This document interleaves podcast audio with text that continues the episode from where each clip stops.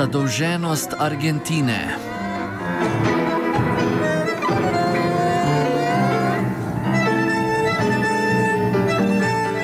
Včerajšnji dan so se zaključila pogajanja med Argentino in investicijskimi skladi, ki od južnoameriške države zahtevajo poplačilo dolgov. Po bankrotu pred 13 leti so namreč tako imenovani mrhovinarski skladi pokupili delež argentinskih dolgov, katerih vrednost skupaj z obrestmi danes po nekaterih ocenah znaša desetkratnik kupne vrednosti. Argentina zahteve finančnih pijavk zavrača, čeprav je ameriško vrhovno sodišče odobrilo sodbo, da mora država poravnati celoten dolg skladom, ki na prestrukturiranje dolga ne pristajajo. Zgodba je posebej težavna, ker sodišče zahteva, da Argentina ne sme poplačati ostalih upnikov, preden niso izplačani skladi. Več o sodbi Newyorškega sodišča nam je povedal Henry S. James iz organizacije Tax Justice Network. Court has upheld what is called an injunction against Argentina paying its bondholders. Uh, there's a quarterly payment that was due on June 30th of $539 million. Argentina had actually put that in a New York account. But this extremist judge in New York uh, is supporting these vulture funds like uh, Elliott Management and Aurelius. Uh, Elliott is a uh, Cayman Island based fund that bought uh, $48 million worth of Argentine bonds uh, in 2008, and now it wants to be paid back more than $700 million. Aurelius uh, did a similar deal, so that the total that they're claiming uh, is now up to, including interest, up to $1.65 billion.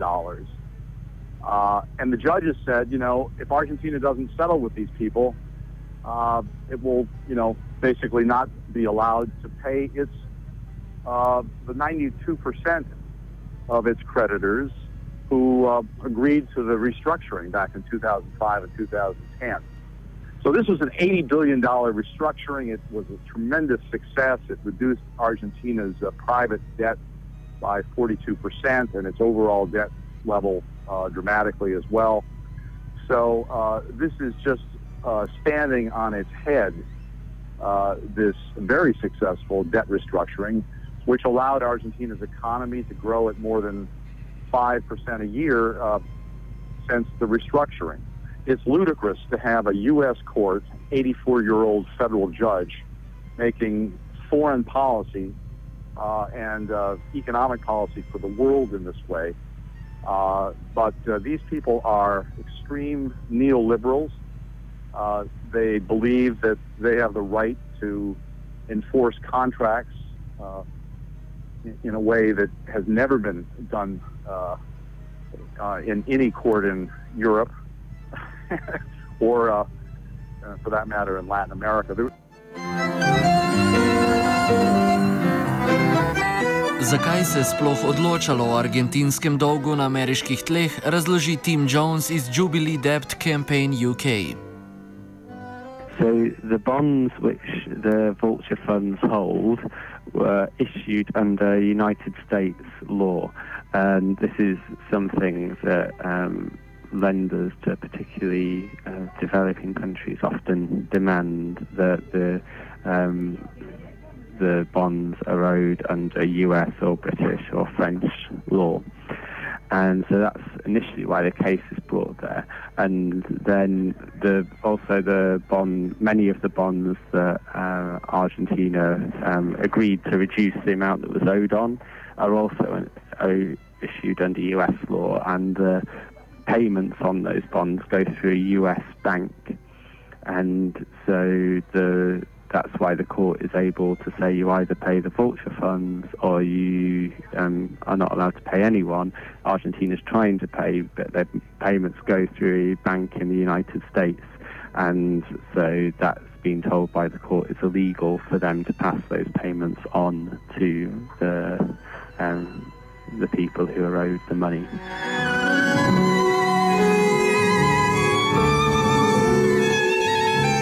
Sodba sicer sledi presoji sodišča izpred dveh let, ki je, ki je že dodelilo Argentini dolžnost, da poplača določenim investicijskim skladom dolg v celotni meri. Ta se je čez leta neplemenito plemenitil in iz prvotnih 1,3 milijard dosegel 1,65 milijard dolarjev. Znesek sicer ni velik v primerjavi s celotnim dolgom, vendar bi njegova poravnava odprla pot ostalim zahtevkom, kar bi državo stalo nadaljnih več deset milijard dolarjev.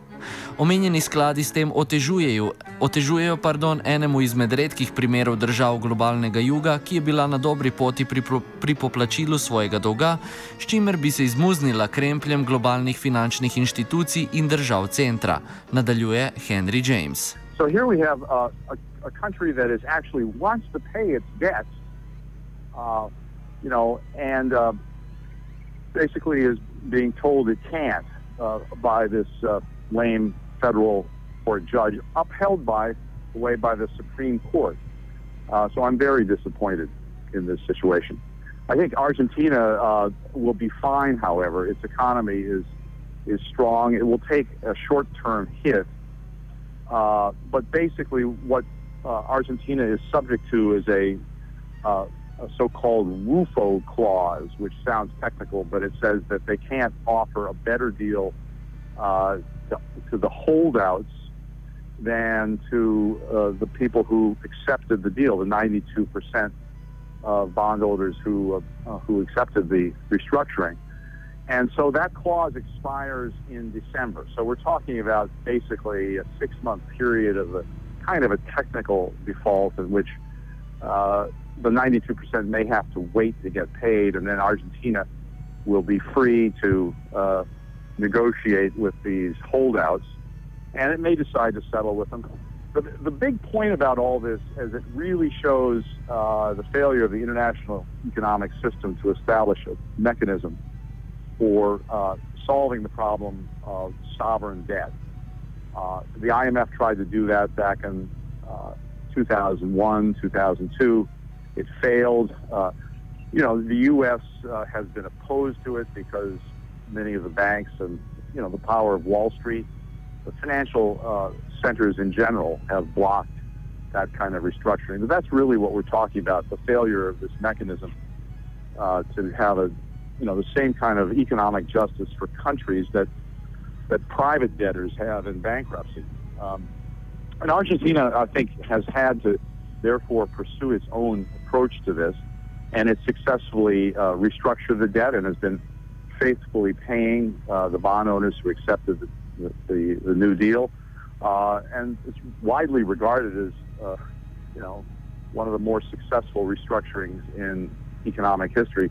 All of this uh, thrown out the window by this uh, ridiculous ruling.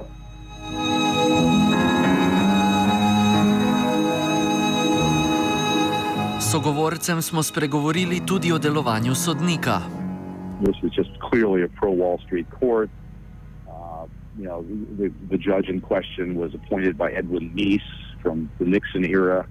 Uh, he's a notorious big business guy, uh, favors the banks and the and Wall Street and doesn't really know that much about foreign debt. Um, you know, his behavior in the uh, in the cases here showed that he was just not familiar with the details uh, of the uh, nature of Argentina's debt. He kept making uh, basic errors in his rulings. Zgodovina argentinskega dolga ima svoj začetek v vojaški diktaturi, ki je pustošila po Argentini med letoma 1975 in 1983, ko je državni dolg narasel iz 7 na 45 milijard ameriških dolarjev. Pod kasnejšimi vladami, posebej konec 90-ih let, ko se je Argentina za pomoč obrnila na mednarodni denarni sklad, se je dolg zaradi strogih pogojev posojil strani mednarodnih institucij še poglobil. O genezi argentinskega dolga več pove Tim Jones.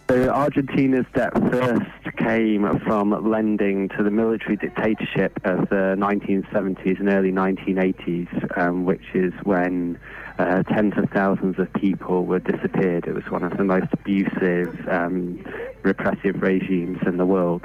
And they were lent money both um, by governments such as the UK and um, international banks. There was then a debt crisis throughout the 80s and 90s where Argentina was struggling to pay. In the 1990s, they closely followed policies set by the International Monetary Fund, which led to a very sharp recession and economic crisis between um, 1998 and 2002. In 2002, they ran out of money and stopped making payments on the debt and actually the economy following that started to recover, started to recover after the uh, default. What then happened was that when they stopped making those payments, these companies called vulture funds bought up the debt when it was very cheap because the um, payments weren't being made. So they bought that um, debt cheaply. And now they're suing the government still 13 years on, trying to be paid in full, which would represent a massive profit for them.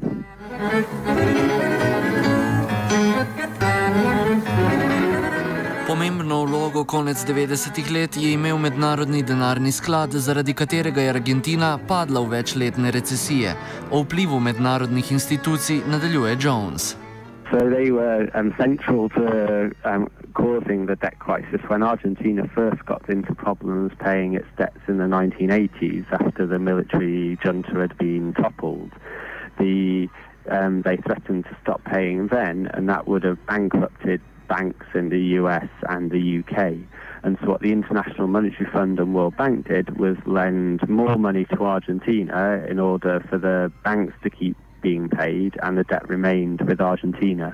And they then had the power to um, force various policies on Argentina. And this was particularly the case in the 1990s, that Argentina very closely followed what the IMF wanted to do, them to do in terms of privatizing industries, opening up to trade, getting rid of regulations, and tying their um, currency to the dollar.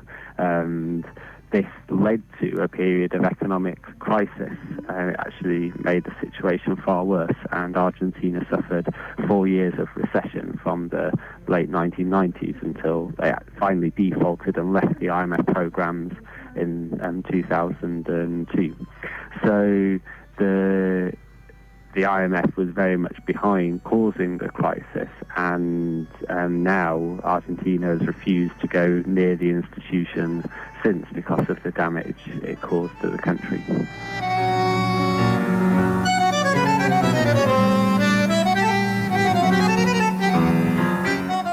Vojaške diktature Južne Amerike so za časa svojega obstoja uživale podporo zahodnih držav. Argentinski diktator Jorge Videla je užival odprto podporo takratnega ameriškega predsednika Ronalda Reagana. Tudi po propadu hunte so v Argentini Združene države ohranile svoj vpliv prek vpliva znotraj mednarodnega denarnega sklada, nadaljuje Jones. Yeah, so um, Western governments, like the US, and I know more about the UK, actively supported the um, military um, junta dictatorship in the 70s and the 80s. The UK um, lent them the money to buy weapons from the UK, and um, so they um, they had that uh, support. And then when it comes to the the impact that I was talking about of the International Monetary Fund, ultimately the International Monetary Fund is run by the United States. The United States has a veto on what the IMF can do. And certainly in the 1980s it was seen that the IMF was very much the same thing as the United States government treasury, that they were um, the same institutions because of how close they were and how much influence the US has at the IMF.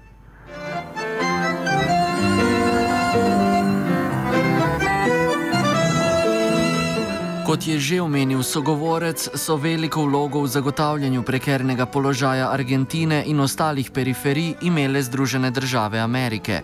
Več o njeni vlogi in obveznicah smo povprašali Henrya S. Jamesa. You know, the first approach to restructuring, oddly enough, was proposed by U.S. Treasury Secretary Nicholas Brady back in the early 90s.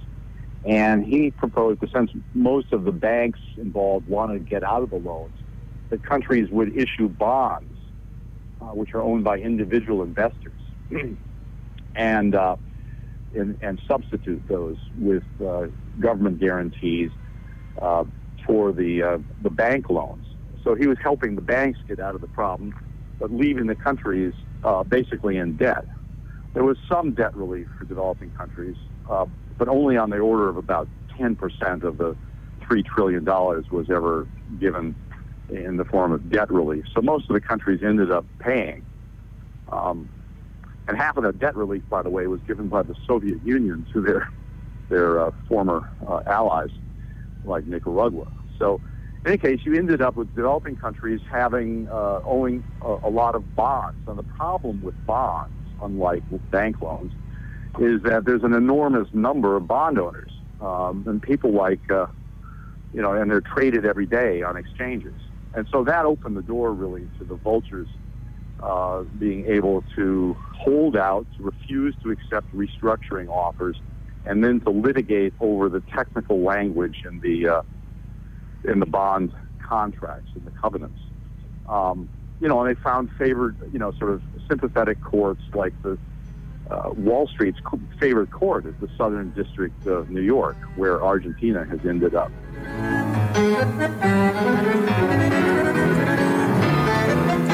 Po bankrotu se Argentina leta 2005 loti prestrukturiranja državnega dolga pod vlado Nestorja Kirchnerja, ki občutno zmanjša zadolženost. Kako je ta proces potekal, nadaljuje Tim Jones. So after Argentina defaulted, and they then entered negotiations with the um, people who held the debt. And that happened under the Kirchner um, government, and they reached an agreement to pay around 30 cents in every dollar that was owed on the debt, and 93% of Argentina's creditors accepted that amount. So the Kirchner, the Nestor Kirchner government um, reached that uh, agreement, and since 2005 until um, the last month, they've been making the payments on those debts, but refused to pay the vulture funds, who were still demanding the whole, the full amount, whereas everybody else accepted the 30 cents in each dollar that was owed.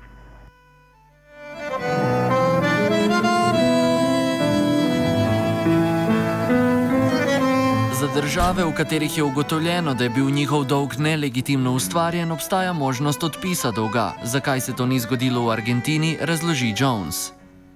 Yeah, it's um, something that happens quite rarely and requires a um, big push of um, public support and then ultimately trying um, to convince the government to say it. But you're um, the if you try and claim that your debts are Ill- illegitimate or odious, the um, you, Western governments try to present you as a pariah country that you're um, somehow um, very wrong for doing that. So it's a very um, brave political move to um, do it. Ecuador got close to doing it in 2008, and that happened because the social movements there had pushed for an audit into the debts and that audit um, was then held um, when the um, new government um, came into power and found that a lot of the debts were odious, that um, contracts had not been um, made legally under Ecuadorian law.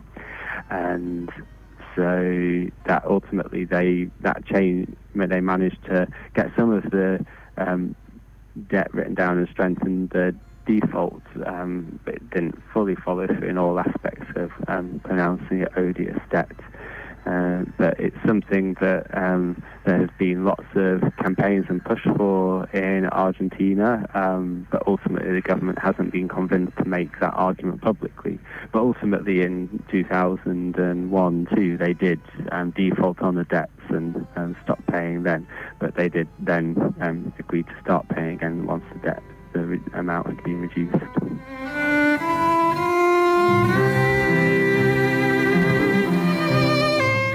Na primeru Argentine se uveljavlja tipski primer tako imenovane financializacije, ki ima svoj začetek v 70-ih letih preteklega stoletja. Več o procesu nam pove Sašo Furlan iz Inštituta za delovske študije. Ja, zdaj eh, do nekega precej očitnega obrata je prišlo po 70-ih letih. 70 leta so bila zelo turbulentna, uh, se pravi, to so leta uh, krize, stagflacije, uh, najprej v Združenih državah Amerike, potem številnih fiskalnih kriz, ki so bile najprej prisotne pač v državah, tudi recimo centra najbolj razvitih kapitalističnih državah, pa potem v 80-ih v času dužniške krize tudi v državah na periferiji. Sicer je šlo pa za neko splošno krizo globalnega kapitalizma, ki je v bistvu uh, povzročila nek tako uh, ekonomski kot politični obrat, ki je v bistvu šel uh, v smeri krčenja uh, razno raznih delovskih pravic, ki so bile recimo pridobljene nekako po drugi uh, svetovni vojni in tudi uh, do nekih politik, ki so za razliko od tistih uh, tam nekje v času 50-ih pa do 70-ih let uh, povzročile neko zelo tudi uh, visoko nezaposlenost. Ne. Pri tem uh, obratu je šlo po eni strani za to, da se je nekako znižala cena uh, delovne sile, da se je vsaj za nek kratek čas omogočila uh, spet neka dobičkonosna konjunktura uh, za kapital. V bistvu je bila pa ta uh, konjunktura pogojena z recimo temu zatrtjem uh, razno raznih delovskih gibanj in tako dalje. Po drugi strani je pa ta obrat ne, uh, po krizi, ko je prišlo v bistvu tudi nekako do paca uh, profitne stopnje v uh, recimo produktivnih sektorjih kapitalistične ekonomije, prišlo nekako do tega, da se je vedno več kapitala začelo vlagati v recimo finančni sektor ne, in uh, od tod izhaja tudi recimo, ta fenomen, ki ga uh, mnogi poimenujejo financializacija. Ne.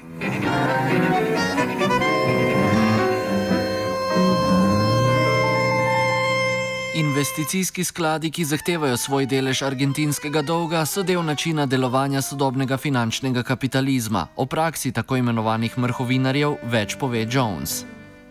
So the vulture funds buy up debt cheaply when a country is in crisis and not able to pay. So a country isn't able to pay, and they buy the debt um, cheaply. So people who held the debt are willing to sell it for a low price because they're not being paid. And then once a country has recovered from the crisis, so um, Argentina reached this agreement with everybody else, and that reduced the size of the debt, and that made them able to pay what was what remained the vulture funds then sue uh, the country concerned, in this case Argentina, in courts across the world, trying to get uh, all of the debt paid to them, which for them is a massive profit on what they bought for the debt. One analyst estimated that in this case, they, if they ultimately get paid, the vultures will get a profit of 1,400% on what they paid for the debt.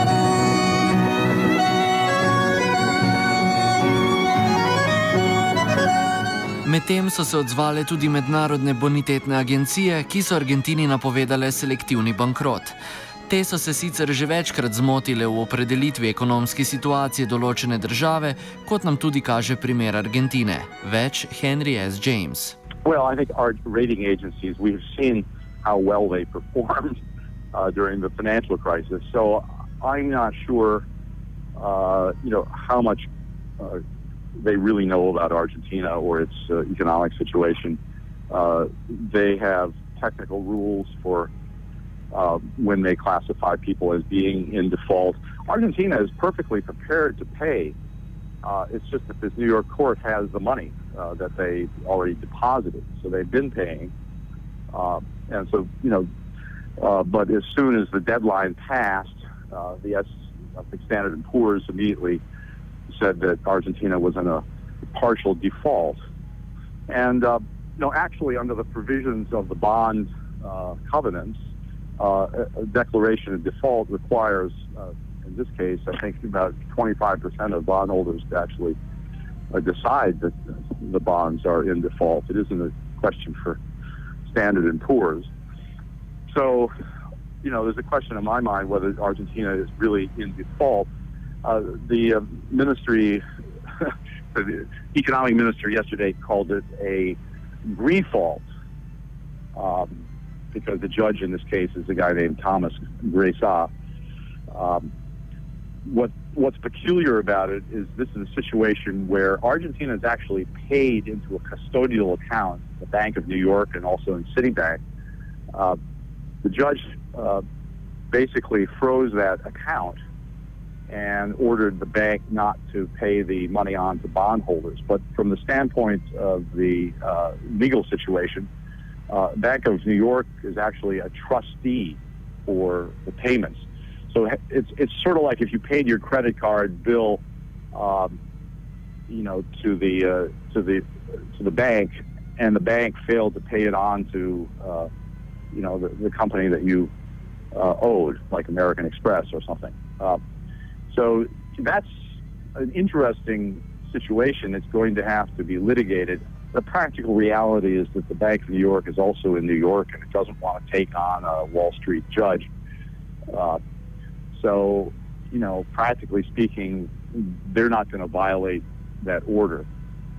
Uh, but, uh, you know, it's basically Argentina takes the position, I think rightly so, that it has paid uh, and should not be found uh, in default. You know, the problem is with the Bank of New York. Um, and, uh, you know, if, if they now have the money. In fact, they can't give it back to Argentina under the terms of the trust. Uh, they have to pay it to the bondholders or hold on to it. So that's another bizarre situation.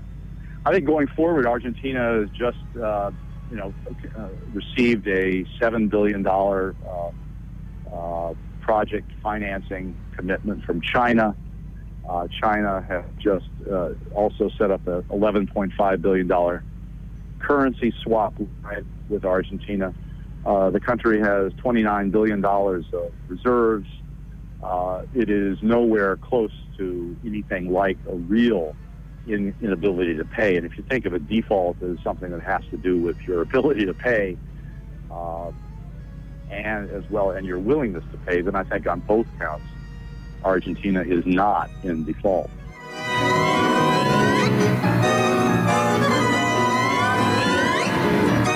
Kakšne so možnosti za Argentino? Ali se lahko upre moči interesov mednarodnega kapitala, nam pove Jones. So the bonds which the vulture funds hold were issued under United States law, and this is something that um, lenders to particularly uh, developing countries often demand that the um, the bonds are owed under US or British or French law. And so that's initially why the case is brought there. And then the also the bond, many of the bonds that uh, Argentina um, agreed to reduce the amount that was owed on are also uh, issued under US law, and payments on those bonds go through a US bank. And so the that's why the court is able to say you either pay the vulture funds or you um, are not allowed to pay anyone. Argentina is trying to pay, but their payments go through a bank in the United States, and so that's been told by the court it's illegal for them to pass those payments on to the um, the people who are owed the money. O možnostih osvoboditve naj zaključi njegova imanenca in rešitelj Latinske Amerike Milton Friedman. When you see around the globe the maldistribution of wealth, the, the desperate plight of millions of people in underdeveloped countries, uh, when you see so few haves and so many have-nots, when you, when you see the greed and the concentration of power within, don't aren't you ever, did you ever have a moment of doubt about capitalism? And whether greed's a good idea to run on? Well, first of all, tell me, is there some society you know that doesn't run on greed? You think Russia doesn't run on greed? You think China doesn't run on greed? What is greed? Of course, none of us are greedy. It's only the other fellow who's greedy. this, the world runs on individuals pursuing their separate interests. The great achievements of civilization have not come from government bureaus. Einstein didn't construct his theory under order from a, from a, a bureaucrat. Henry Ford didn't revolutionize the automobile industry that way. In the only cases in which the masses have escaped from the kind of grinding poverty you're talking about, the only cases in recorded history or where they, where they have had capitalism and largely free trade. If you want to know where the masses are worse, worse off, worst off, it's exactly in the kinds of societies that depart from that. So that the record of history is absolutely crystal clear that there is no alternative way so far discovered of improving the lot of the ordinary people that can hold a candle to the productive activities that are unleashed by a free enterprise system. But it seems to reward not virtue as much as ability to manipulate the system. Uh, and what does reward virtue? You think the uh, communist commissar rewards virtue? You think a Hitler rewards virtue? You think, excuse me, if you'll pardon me, do you think American presidents reward virtue? Do they choose their appointees on the basis of the virtue of the people appointed or on the basis of their political clout? Is it really true that political self-interest is nobler somehow than economic self-interest? You know, I think you're taking a lot of things for granted. And just tell me where in the world you find these angels who are going to organize society for us. Well, I don't even trust you to do that.